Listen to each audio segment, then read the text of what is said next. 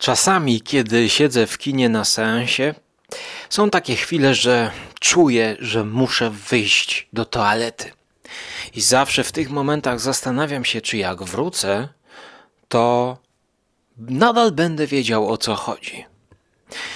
Dzisiaj, oglądając e, polski film pod tytułem Miasto w reżyserii dokumentalisty Marcina Sautera, nie miałem wątpliwości, że spokojnie mogę iść się załatwić, gdyż zorientowałem się, że właściwie już od kilkunastu minut nie wiem o co tutaj chodzi. Spokojnie więc wyszedłem się wysikać.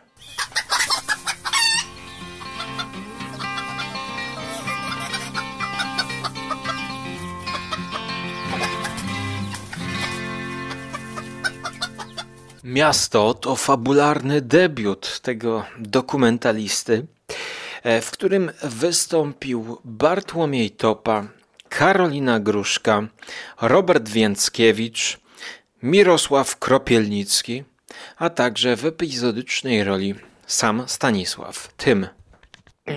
I to chyba on e, w trailerze najbardziej zachęcił mnie, aby zobaczyć, jak ktoś w tak stylizowanym filmie wykorzysta tego aktora o nietuzinkowej aparycji.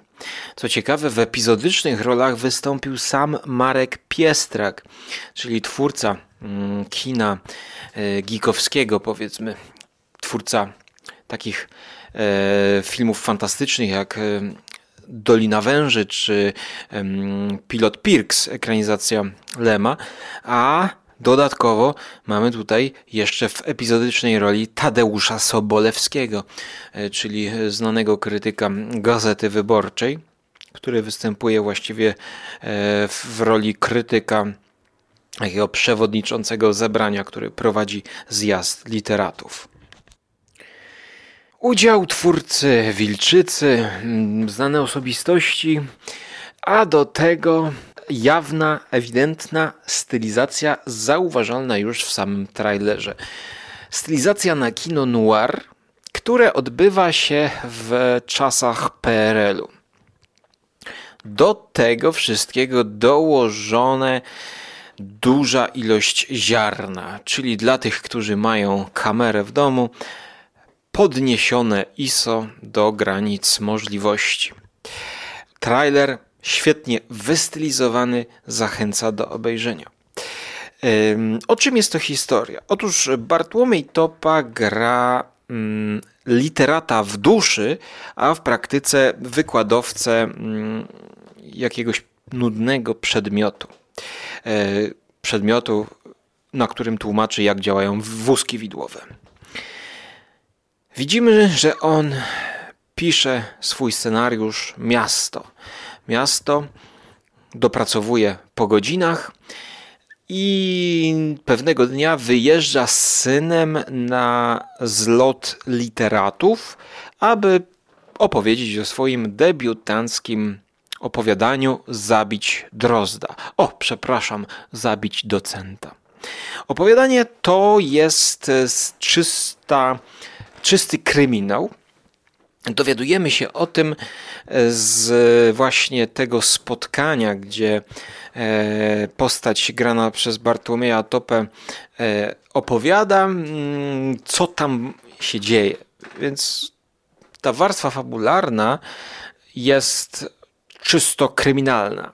Zauważa to reżyser, reżyser, który mm, grany jest mm, w filmie przez jakże charakterystycznego nosacza Mirosława Kropielnickiego z wielkim orlim nosem. No i właśnie e, ta postać reżysera jest e, wyczekiwana w sercu przez e, Marka Pełka, bo taki jest ten główny bohater, inżynier Marek Pełka który ma nadzieję, że spotka tam reżysera, który zachwyci się jego tekstem i będzie chciał go zekranizować. I tak też się dzieje. Oni e, popijając wódeczkę zaczynają e, snuć wielkie plany na, o tym, jak zrobić dobre kino w Polsce, wielki Hollywood. No a on, e, inżynier nasz, wybiera się na ten zlot literatów ze swoim synkiem. Co następuje? Kiedy on doznaje tego upojenia alkoholowego, mm, następuje pewne takie przeniesienie się. Z jednej strony wchodzimy ja też nie do końca mówię, że to jest tylko pod wpływem tego upojenia alkoholowego, ale pod wpływem no, całej narracji. Powoli wchodzimy jakby e, w duszę głównego bohatera, w jego umysł i w ten film pod tytułem Miasto, który on pisze. Przykładowo, Karolina Gruszka, która jest żoną Marka Pełki, e, czyli Teresa Pełka, w tym filmie który nadal będzie się toczył w czasach, gdzie się zaczyna ten film, bo my to wszystko obserwujemy w PRL-u, e, to w, w trakcie tego przetworzenia nagle pojawiają się rekwizyty rodem z kryminału, e, rodem z filmu noir, czyli ludzie chodzą w kapeluszach, takich jak e, detektywi, jak znamy z ekranizacji prozy Hameta czy Chandlera.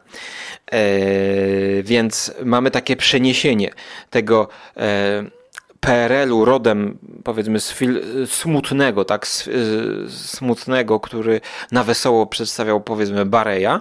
E, tutaj jest to pokazane jako taka szara, codzienna rzeczywistość i to przechodzi jakby awers i rewers mm, na świat wyobrażony. Wyobrażony zarówno przez naszego mm, reżysera,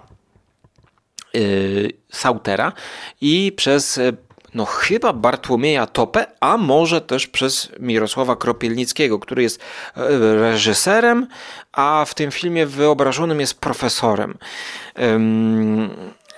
I teraz Karolina Gruszka, o której zacząłem mówić, jest w rzeczywistości jego żoną, Bartłomieja Topy, ale e, w tym filmie wyobrażonym, już w tej totalnej stylizacji, gdzie widzimy neony świecące na kolorowo, e, ulice rodem jak z filmu mm, Third Man, Trzeci Człowiek, e, ale wszystko w PRL-u, to ta Karolina Gruszka jest femme fatale. Ona śpiewa, piosenkę w barze.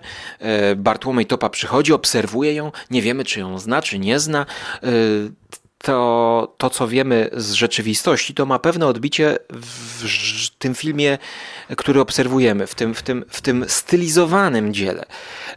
No, oczywiście on jest w nią zapatrzony, bo ona też wygląda lepiej niż ta jego żona na co dzień, bo na co dzień to ona chodzi w takich no, nieciekawych strojach, jak to w Perelu. Takie ma e, loki, jak to się nazywa, takie, takie plastikowe kółka chyba włożone, żeby jej te włosy się pięknie zafalowały. A tutaj ona jest już w pełnym makijażu i śpiewa za konsoletą niczym e, kobieta z filmu Malholland Drive Davida Lyncha. Zresztą mm, taki sens te, te, tego całego zderzenia e, dwóch rzeczywistości jest w scenie, w której ona się odwraca, raz się odwraca i drugi raz się odwraca i raz jest w tym samym e, fotelu jest pokazana jako ta żona na co dzień w PRL-u, a drugi raz jako femme fatale. Więc widzimy, że to w zależności od tego jak ktoś gdzieś spojrzy, to tak postrzegamy czy to swoją żonę, czy to postać w filmie i tak dalej. No, no wiele tutaj można interpretacji sobie e, dobudować. W tym filmie noir spotykamy oczywiście gangstera, którego gra Robert Więckiewicz. Stanisław w tym jest pijakiem. No i teraz tutaj powoli będziemy e, wprowadzać nowe motywy, bo ja tak pomyślałem sobie podczas seansu, że to jest taki trochę E, Inland Empire dla ubogich, a może to jest trochę taki spin-off Inland Empire, a może to jest taki film, który dzieje się w uniwersum Inland Empire. Ale to, co najbardziej chyba mnie wkurzyło, to to, jak nie wykorzystano facjaty Stanisława Tyma.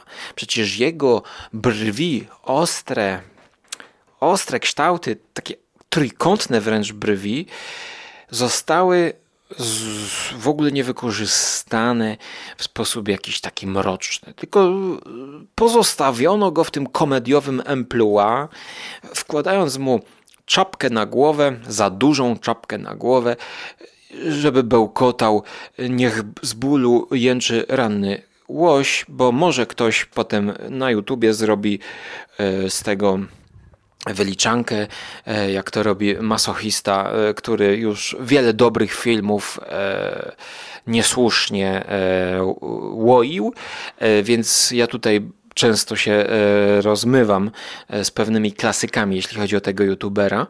Na przykład niezwykle spokojny człowiek. To jest moim zdaniem bardzo dobry film. E, ale tutaj właśnie pomijając już ten cytat z Szekspira, to Stanisław tym bełkocząc tym, tym cytatem, no jest po prostu takim dziwakiem, który się patrzy tak, tak no jest w ogóle reżysersko według mnie niewykorzystany. I tutaj e, chciałem poczynić paralelę, paralelę mm, do Krzysztofa Majchrzaka, którego właśnie wraz z Leonem Niemczykiem wykorzystał w mroczny sposób w podobnych okolicznościach przyrody i Polski właściwie i, i, gruszki nawet powiedziałbym David Lynch w Inland Empire, który to Inland Empire był filmem bardzo jak to się mówi idiosynkretycznym. Ehm, chyba już z założenia takim eksperymentem było.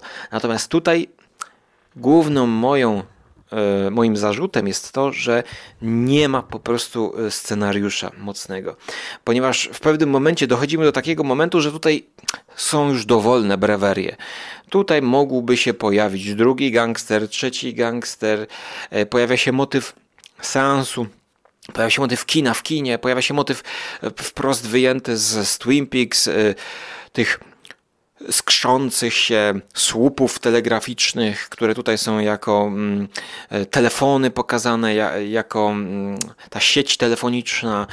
E, wiele jest tych motywów lynchowskich połączonych z, z kinem noir i właściwie no, e, brakuje tego, co Lynchowi się udało w Mulholland Drive, czyli z jednej strony intryga, a z drugiej strony ta, ta intuicyjność, którą, e, którą, dzięki której tej drugiej warstwie, takiej wyczuwalnej intuicyjnie, my możemy sobie e, w tym takim onirycznym świecie dodawać te znaczenia.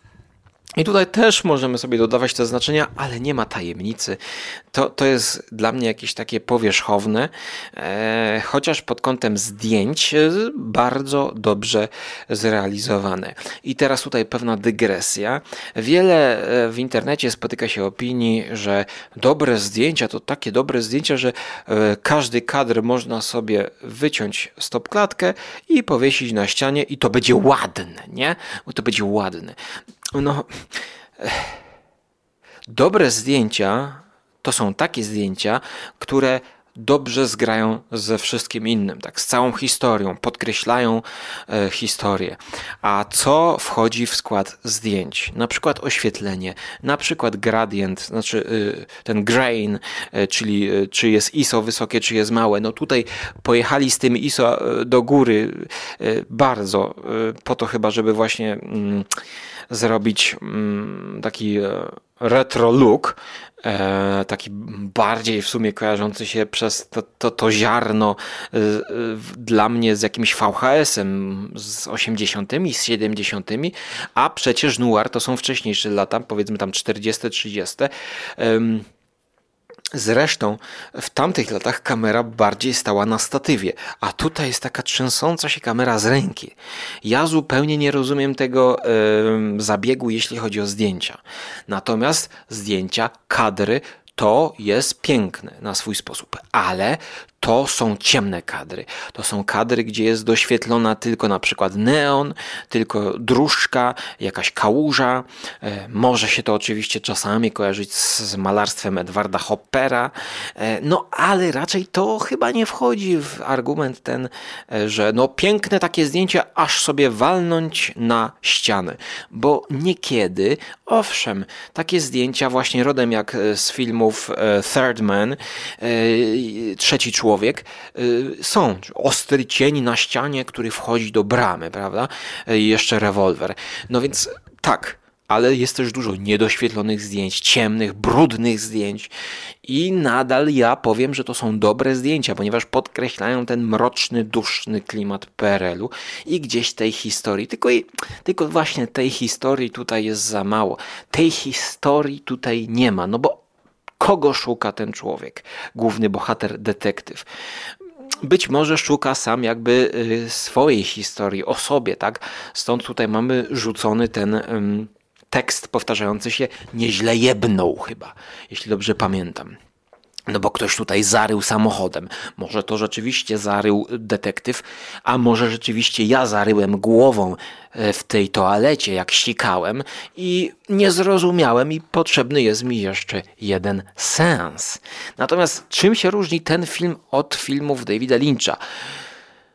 No, w moim poczuciu jest to to, że scenariusz niedopracowany i ten drugi sens e, tutaj nie ujawni przede mną żadnego e, drugiego czy trzeciego dna jak to bywa podczas e, filmów Davida Lyncha. Natomiast mimo wszystko ja doceniam ten film za taką stylizację. Ten film jest stylizowany i ten film po prostu chciał być stylizowany. Reżyser chciał zrobić taki wystylizowany film. Widać, że po części może to jest autobiograficzny film w jakiś sposób, że to jest wymyślony film. Tutaj są jakieś poukrywane tropy, które dla reżysera i jego rodziny być może będą znaczyły y, sporo. Może na przykład trzeba znać jego e, kino dokumentalne, którym się parał wcześniej. No, e, niestety nie miałem okazji oglądać jego dokumentów. Mm, natomiast może ta kamera trzęsąca się pochodzi z tego dokumentalnego kina. No, według mnie mm, większa imersja byłaby, gdyby ta kamera stała na statywie i poruszała się płynnie. Ten wybór artystyczny jest dla mnie tutaj zupełnie niezrozumiały. E, natomiast gratuluję takiego e, debiutu, powiedzmy, który jest no, filmem osobnym od tego, co się tworzy w Polsce. Filmem na swój sposób odważnym, chociaż też w wielu kadrach ja czułem ograniczenia finansowe mm, chociażby w scenografii właśnie, że to jest oświetlone tak, żeby nie pokazać, gdzie to jest kręcone. E, to oczywiście wychodzi na plus, ale czasami po prostu czuć, że tutaj przydałoby się więcej pieniędzy, słuchajcie. Tak jak w tym dialogu naszego głównego detektywa, demiurga z e, profesorem, reżyserem, też demiurgiem w jakiś sposób. E, oni mm, mówią, że w Hollywood to tam się kręci filmy, że to jest, to jest przyszłość, to jest wielka sztuka. No i właśnie ta wielka sztuka wymaga pieniążków. E, w Polsce ja zdaję sobie sprawę, jakie są sytuacje, jak to jest z pieniążkami. Sam e, kręcąc byle gówno za przeproszeniem, to e, po prostu wiem przykładowo, tutaj są pączki w tej scenie. I patrzę na te pączki i ja widzę, no pewnie kupili te pączki w starej pączkarni. E, więc słuchajcie, wszystko co pojawia się w kadrze to kosztuje. Taki pączek kosztuje powiedzmy 5 zł, tak? No, te pączki rozpoznaję i tak w ciemno stawiam, że to są pączki z tej sieciówki, no bo to jest sieciówka, jest to dostępne. W Bydgoszczy był ten film kręcony, e, jak podaje film web, no to podejrzewam, że tam jest Sara Pączkarnia, to są takie trójkątne pączki trochę i tych pączków w barze siedzi dużo. Czemu kurde nikt nie chwyci tego pączka, nie zje tego pączka? Dlaczego nie ma e, kontaktu z tymi pączkami? No w Twin Peaks żarli te pączki na, na pęczki. Że tak powiem, pączki na pęczki, a tutaj nikt się ich nie tyka. Chociaż są mocno oblane lukrem i aż by się chciało zobaczyć to nadzienie. A Karolina Gruszka, gdyby wgryzła się takiego, w takiego pączka, to byłaby piękna scena przecież. Mm, tak więc ja po prostu gratuluję tego filmu, jednak e, uznaję go za nieudany, niedopracowany e, pod kątem scenariusza, głównie scenariusza. Niejasny jest to dla mnie film. E, I z tego powodu ja wystawiam ocenę 6 na 10. E, byłem chyba pierwszym albo pierwszym z pięciu osób, który na IMDb wystawił tę notę, e, bo na IMDb dopiero pojawia się e, chyba po piątym albo po szóstym kliknięciu. Tak więc Mam nadzieję, że może ten film będzie inspiracją, żeby, żeby nie bać się tworzyć takie właśnie wizje autorskie z jednej strony, chociaż tutaj się kłóci właśnie to kino autorskie e, z kinem gatunkowym, ponieważ w, w tych najlepszych filmach kina noir, na przykład no powiedzmy e, Billy'ego Wildera Podwójne Ubezpieczenie, intryga jest utrzymana w ryzach. Nie ma dobrego kina noir bez e, dobrej intrygi, której tutaj niestety brakuje. No a jak czytam recenzje, to widzę, że piszą ludzie, że emocje, emocje. No, no jak ja mogę trwać przy tych emocjach, skoro e, ciągnie mnie, e, skoro nie ciągnie mnie, tylko trzymam, mam je trzymać przy tych emocjach, ten taki obniżony, zmęczony głos Bartłomieja Topy, który w narracji opowiada to, co dzieje się na ekranie. No tego już wybaczyć nie mogę, jeśli chodzi o scenariusz, bo główny bohater schodzi do kanału, tak jak w filmie Wajdy, tak otwiera, schodzi w dół miasta. I wtedy narrator, ten sam, właśnie Bartłomiej Topa, opowiada no, podziemia, tkanka miasta, wchodzą poetyckie teksty, których jest za dużo, które dodatkowo jeszcze mówią to, co widać w pewnych momentach.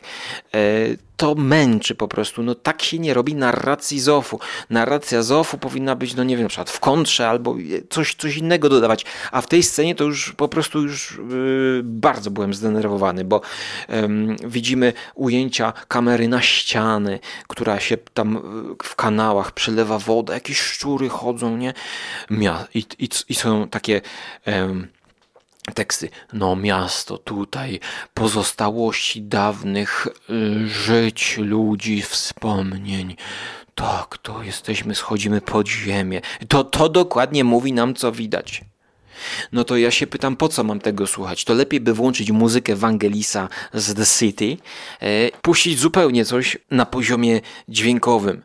E, swoją drogą Wangelis miał dar właśnie do wprowadzania takiej narracji nawet do muzyki, jak choćby w genialnej płycie Wangelisa The City, gdzie słyszymy samego Romana Polańskiego, który kupuje gazetę. Świetna scena działająca na wyobraźnię, ale e, tam facet nie mówi, że kupuje gazetę tylko po prostu mówi, że poproszę coś. Tam słyszymy pieniążki, facet tą gazetę trzyma, prawda? Wychodzi, idzie dalej w miasto, muzyka się zaczyna rozpędzać. Posłuchajcie e, e, The City, albo posłuchajcie ścieżki dźwiękowej z Blade Runnera. Is city open?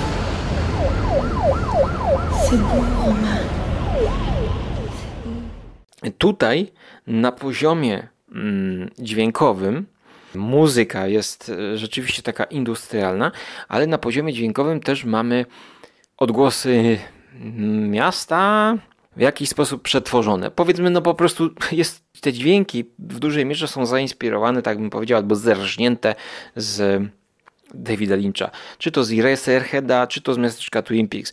Tak takie skrzypienia, jak gdzieś tam neon miga, choć tutaj są takie bardziej pyk, jakby taka lampka się próbowała zapalić. No i jak idziemy ulicami, to na przykład słyszymy takie jakieś obijane rury, więc to są chwyty z Davida Lyncha. Muzycznie takie dronowe, takie plamy yy, fajnie też grają. Natomiast no niestety nie gra ta narracja w tym, w tym wszystkim, bo jest jej za dużo, no już nie będę się powtarzał, e, więc jakby film miał potencjał na dzieło e, zaskakujące powiedziałbym, a tutaj nic nie zaskoczyło, poza tym, że pozwolono sobie zrobić taką stylizację w, w dobry sposób. E, tyle na dzisiaj ode mnie. Jestem ciekawy, co kolejnego uda się zrobić temu reżyserowi. E, mam nadzieję, że e, obejrzę. Kibicuję i, i, i gratuluję tego, co do tej pory zrobili. Tyle na dzisiaj ode mnie. Mówił do Was Skóra Wel Żarłok TV z YouTube'a. Możecie wspierać audycję Skóry na patronite.pl albo Żarłok TV na tej samej platformie. Do zobaczenia na YouTubie, bądź do usłyszenia w przyszłości. Cześć.